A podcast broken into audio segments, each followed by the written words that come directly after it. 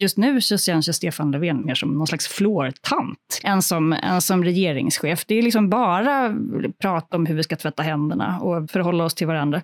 Det är ju väldigt lite som så att säga stakar ut en riktning och det går ju hem, helt uppenbart. Alltså I det här läget så, så trivs folk ganska bra.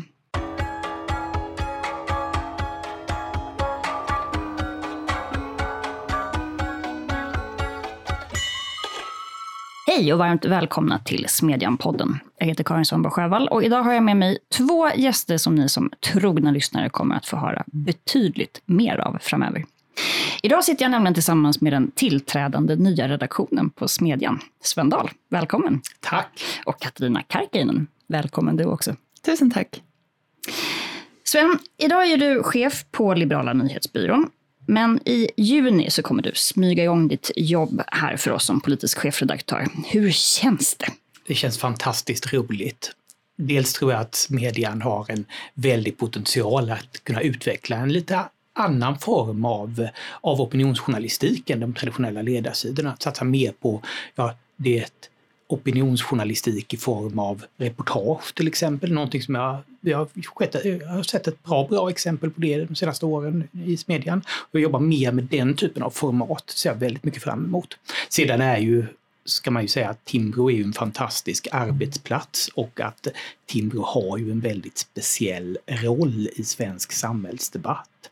Och på ett plan är det ju alltid en dröm om, om man tror på fri företagsamhet och, eh, ja, och individuell frihet så är det här ju något av en, ett drömjobb eller en drömarbetsplats.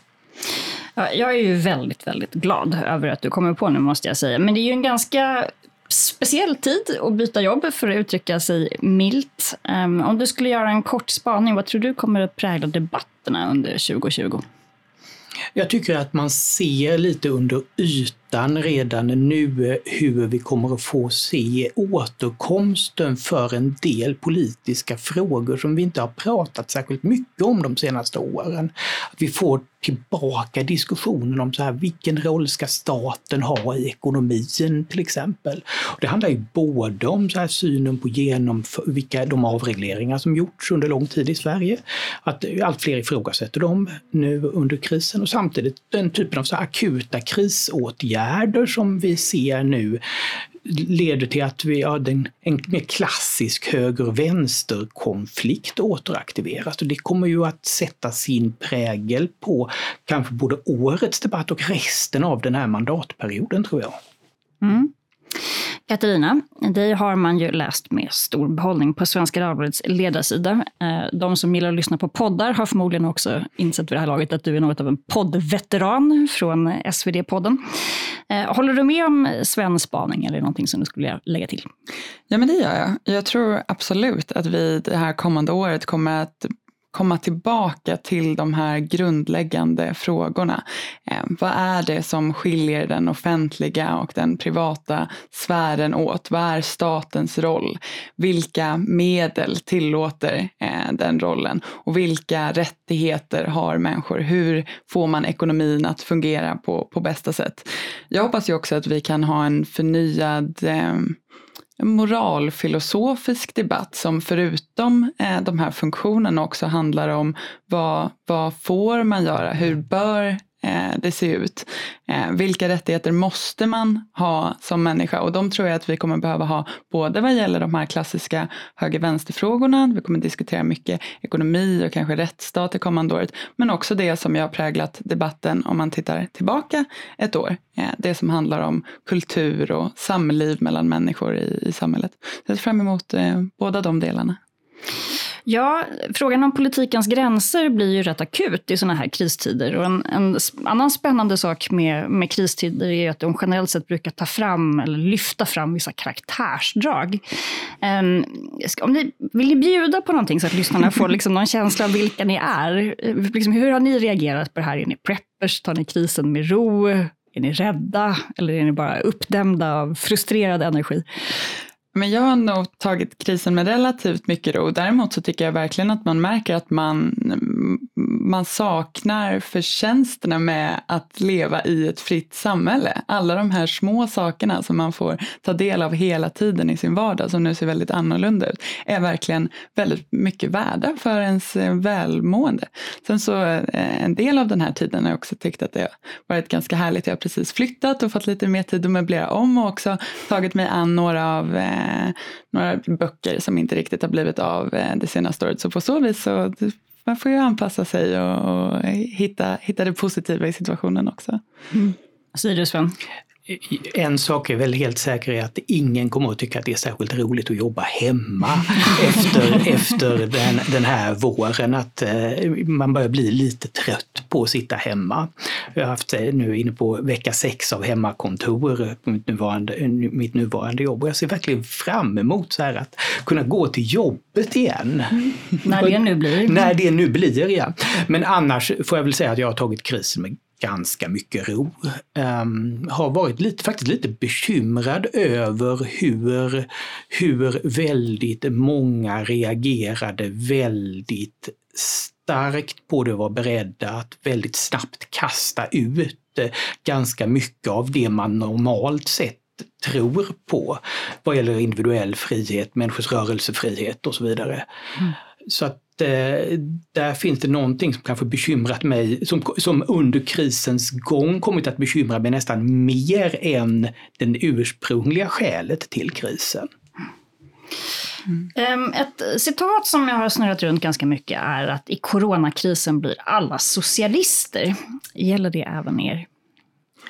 Nej, men däremot tvingas vi som är liberaler och tror på en begränsad statsmakt att reflektera mer över det än vad vi behövt under på ganska länge.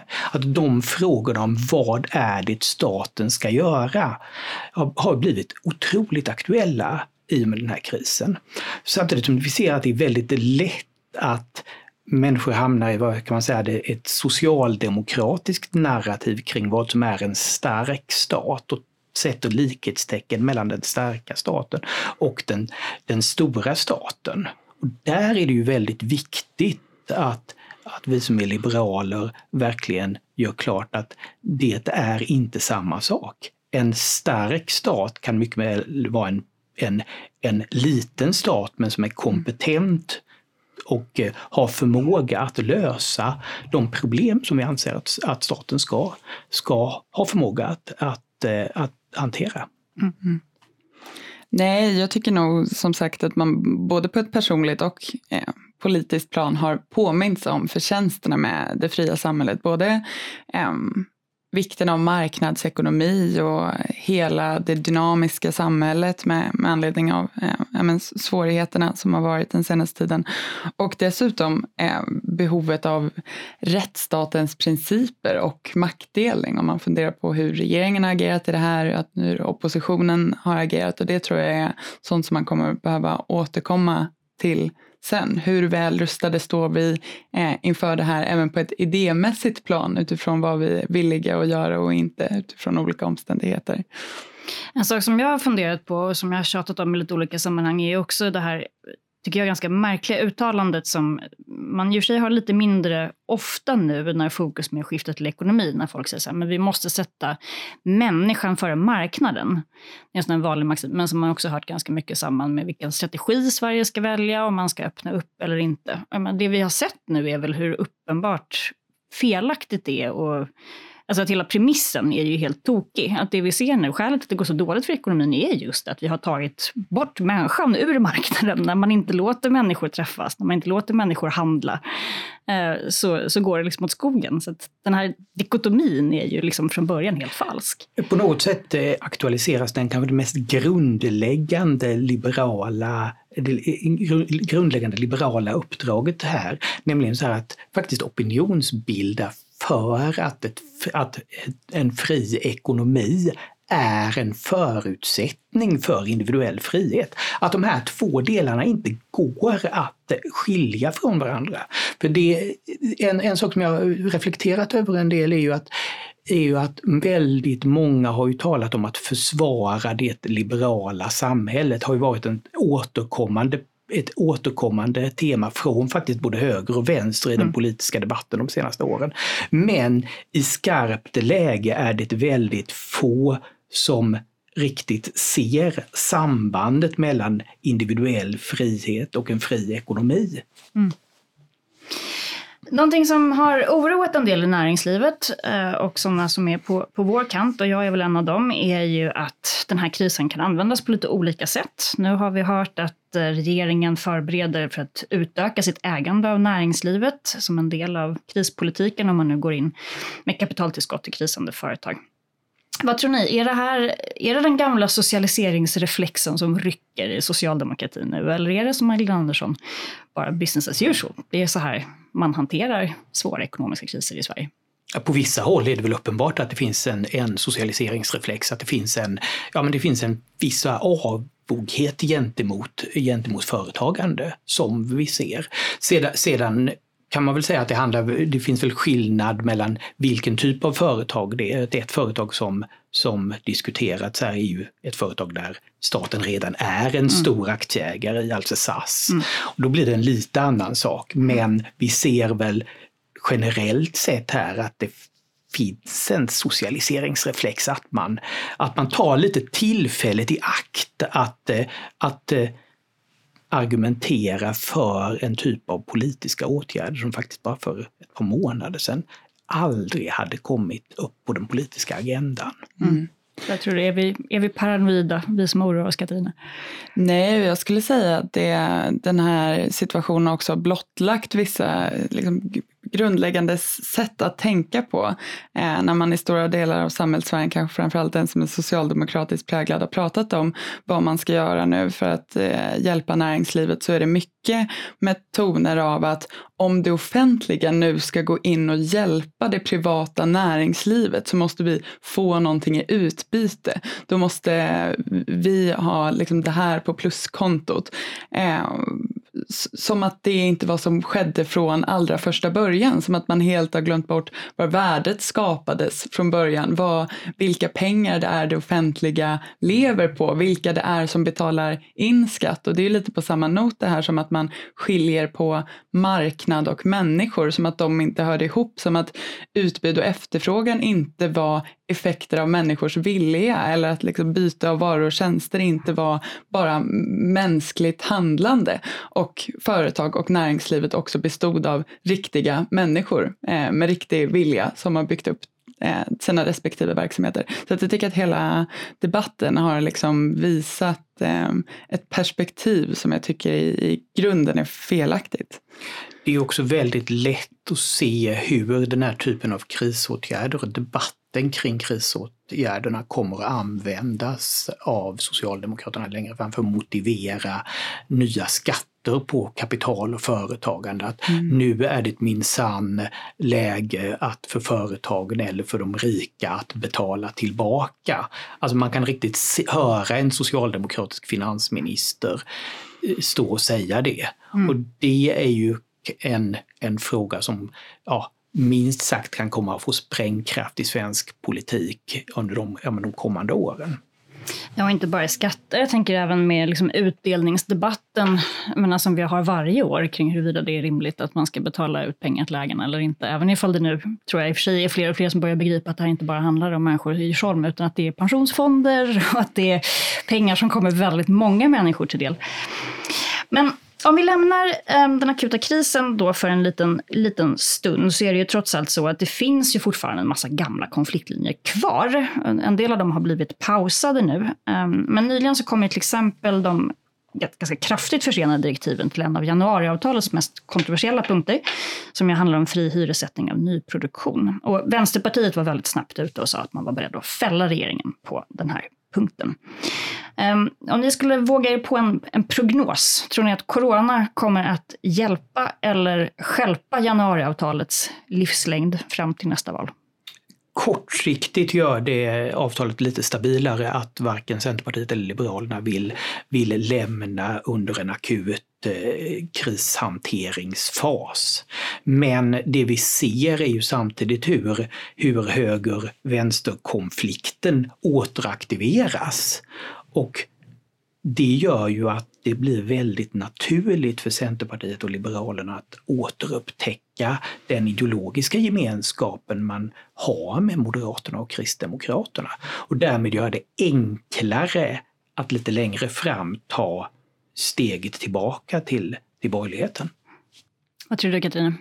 Jo, men jag tror också att eh, efter att den direkta krisen är över så kommer vi att behöva ha en diskussion i Sverige som vi egentligen borde ha haft för eh, ett par år sedan. Vi står ju inför enorma utmaningar och gjorde det även innan vad gäller eh, jag menar att Eh, de risker som är förknippade med att ha en väldigt omfattande offentlig sektor är till slut på väg att, eh, att komma ikapp oss. Eh, det saknas miljarder i välfärden i kommuner och landsting och man har absolut inte tagit tillvara på de möjligheter som finns med privat ansvarstagande, privat alternativ och privat finansiering. Och själva frågan om vad ekonomin är och vad man från politikens håll bäst gör eller inte gör för att den ska kunna fungera. Jag tror att vi, om man börjar titta på siffrorna, egentligen skulle behöva ett reformpaket och en, en inledning på en välståndsresa som liknar slutet på 1800-talet och Johan August Gripenstedt. Och när man har den grundläggande diskussionen så tror jag att alla eh, politiska partier och politiker kommer att behöva eh, på något sätt bekänna färg. Och det här är sådana grundläggande frågor om hur man betraktar samhället, att de kommer inte att kunna kompromissas bort i ett visst antal punkter i ett avtal. Eh, på något sätt är det ju som att den här, alltså man har ju pratat om, kommer vi behöva en samlingsregering? Och i någon mening så har vi ju redan det. Alltså så med att vi har ett regeringsunderlag som inte förenas i någon slags övergripande idé om vad man egentligen vill, utan, utan att det fanns andra skäl till att man kom och kom och dela makt. Um, och jag tror att om det är så att vi faktiskt går in i en riktig lågkonjunktur, kanske till och med en ekonomisk kris, så kommer ju dels höger-vänsterskalan bli viktigare än någonsin. Um, men jag tror också att det kommer finnas krav på ett annat typ av ledarskap. Än vad vi ser. Alltså just nu så känns ju Stefan Löfven liksom mer som någon slags flårtant, liksom, än, som, än som regeringschef. Det är liksom bara prat om hur vi ska tvätta händerna och liksom förhålla oss till varandra. Det är ju väldigt lite som så att säga stakar ut en riktning och det går ju hem, helt uppenbart. Alltså i det här läget läget så, så trivs folk ganska bra med det här nästan ceremoniella liksom, ledarskapet som man ägnar sig åt. Precis, men, men det, det, är, det är ju just eh, i den här akuta fasen som vi ändå som jag ändå, om, om jag ska ge mig på en sån prognos, att vi ändå närmar oss slutet på den, skulle jag säga. Att det blir, han kommer att handla mer om en, om en kanske en tillbakarullning av en del av de här restriktionerna som införts. Och sen naturligtvis hela frågan om, om ja, hur, hur, hur möta, ja, hur stimulera den ekonomin efter den här nedstängningen som, eh, för att det är helt uppenbart så att, att eh, nedstängningen i Sverige har varit begränsad men den har ju, svensk ekonomi har ju påverkats otroligt negativt av de andra europeiska ländernas vägval. Mm. Nej, men alltså det, det gör ju att frågorna, frågorna, de ekonomiska frågorna kommer att få väldigt stor betydelse i, i svensk politik de kommande åren. Och där tror jag att det blir ganska lätt för de borgerliga partierna att, eh, att hitta tillbaka till varandra. Sen om jag får göra en liten annan reflektion, det har ju pratat mycket om att, att, att höger och vänster skulle ha förlorat sin betydelse, vi skulle ha fått en så här Galtan-dimensionen skulle, skulle komma att dominera politiken. Om det är någonting vi ser under den här krisen nu, att Galtan verkligen är en politikens solskensdimension. Det är, en konflikt, det är en konfliktdimension som egentligen bara är relevant när det inte finns några riktiga problem att, att försöka lösa. Um, åtminstone för socialdemokratin så verkar ju corona uh, inte bara varit en livlina. De befann sig i någon slags fritt fall innan uh, den här krisen bröt ut. Utan nu verkar den ju åtminstone tillfälligtvis vara det livgörande. Eller tror ni att är det här en, en, liksom en historisk vändpunkt där socialdemokratin lyckas komma upp på banan igen och, och göra den där comebacken som man åtminstone inom arbetarrörelsen har längtat efter? Eller är det en, en tillfällig effekt och en parentes på en utveckling som är ostoppbar? Jag skulle säga att det, att den effekten vi ser nu är högst tillfällig. Alltså det här är den typen av effekt vi ser egentligen på regeringspartier i alla länder i Europa. Att just sittande regeringar får under en akut kris ökat förtroende. Sen finns det väl också någonting i socialdemokratins DNA nästan att, eh, att, socialdemokrat, att många socialdemokrater gillar att, att vara ja, partiet som enar landet i den här typen av, av, av situationer. Och det märk, märks ju på de socialdemokratiska statsråden. Men långsiktigt finns ju alla de underliggande problemen för Socialdemokraterna kvar. Det verkar ha funnit sig väldigt väl till rätta med den här smattrande svenska fanan i bakgrunden när de håller sina presskonferenser. Jag vet inte om ni, ni kommer ihåg det när om det var under Ebba Busch Thors första eller andra Almedalstal. Det blev otroligt mycket liv åt att hon hade just den svenska flaggan i bakgrunden. Och nu är det över hela det politiska spektrat.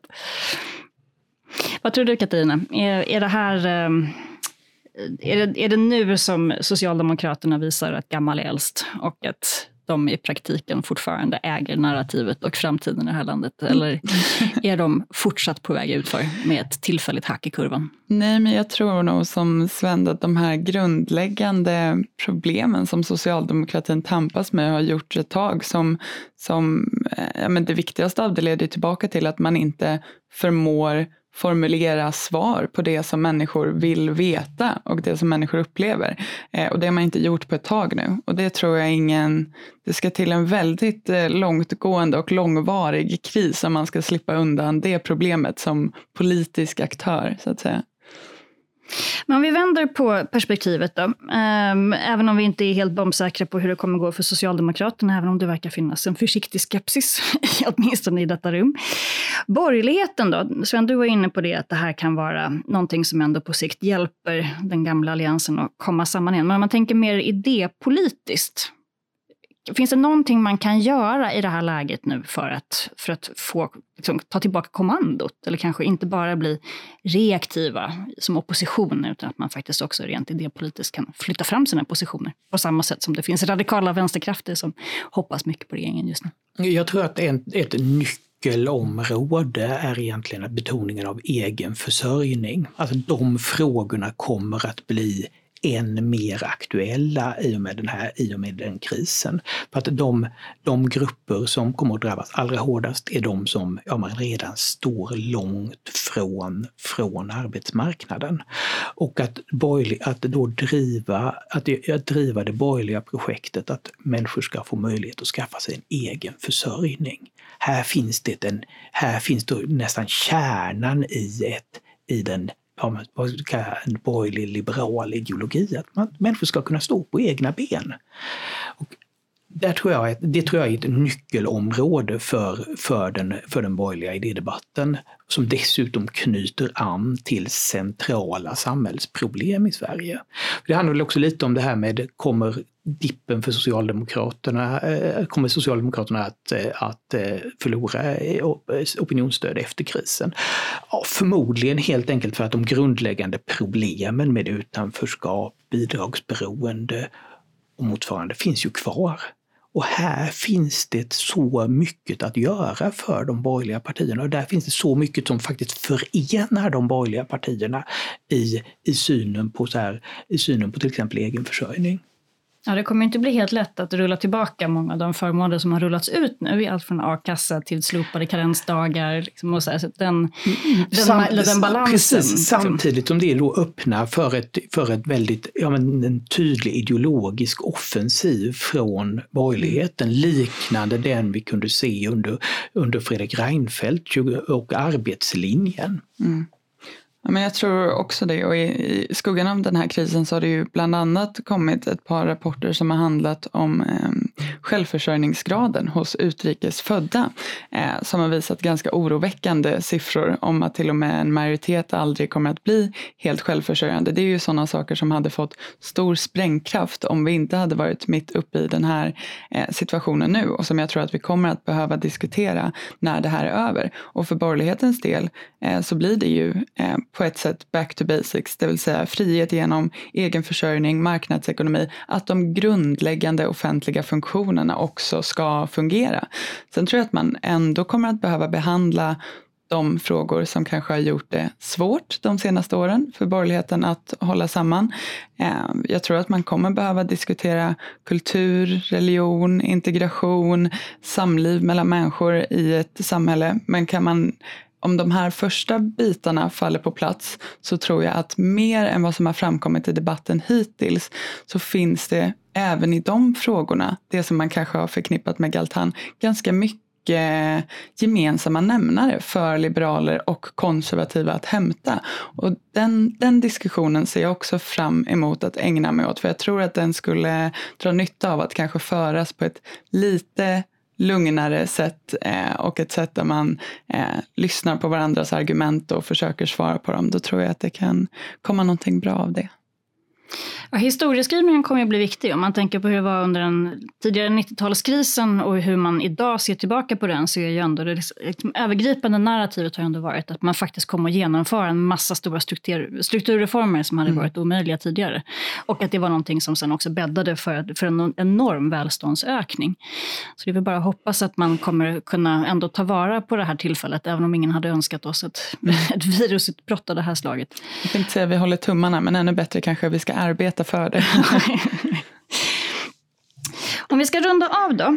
Um, Katarina, vad skulle du se att Smedjan kan göra för att bidra bland annat i den debatten? Mm. Kanske också lite mera brett. Ja, men jag hoppas att vi ska kunna knyta intressanta skribenter till oss. Jag tror att man kan förvänta sig mer långläsning, fler reportage, fler artiklar där eh, olika skribenter från akademi och näringsliv och kultur verkligen får möjlighet att lägga ut texten och vrida och vända på argumenten och försöka liksom skipa klarhet i sina respektive frågor. Eh, jag hoppas att vi ska vara en tidskrift som är stabil i det att den är värderingsburen men överraskar eh, vad gäller form och ämnen, stilistik och eh, argument. Och Ja, det är ju ett sånt där läge nu när man verkligen måste kämpa för sina läsare. Den konkurrensen är ju verkligen mestadels positiv. Jag hoppas att vi ska kunna komma till ett sånt läge att man varje gång när man har gått in och läst en artikel på Smedjan känner sig lite klokare och dessutom kanske haft lite, lite nöje och att det har varit lite härligt för språkörat.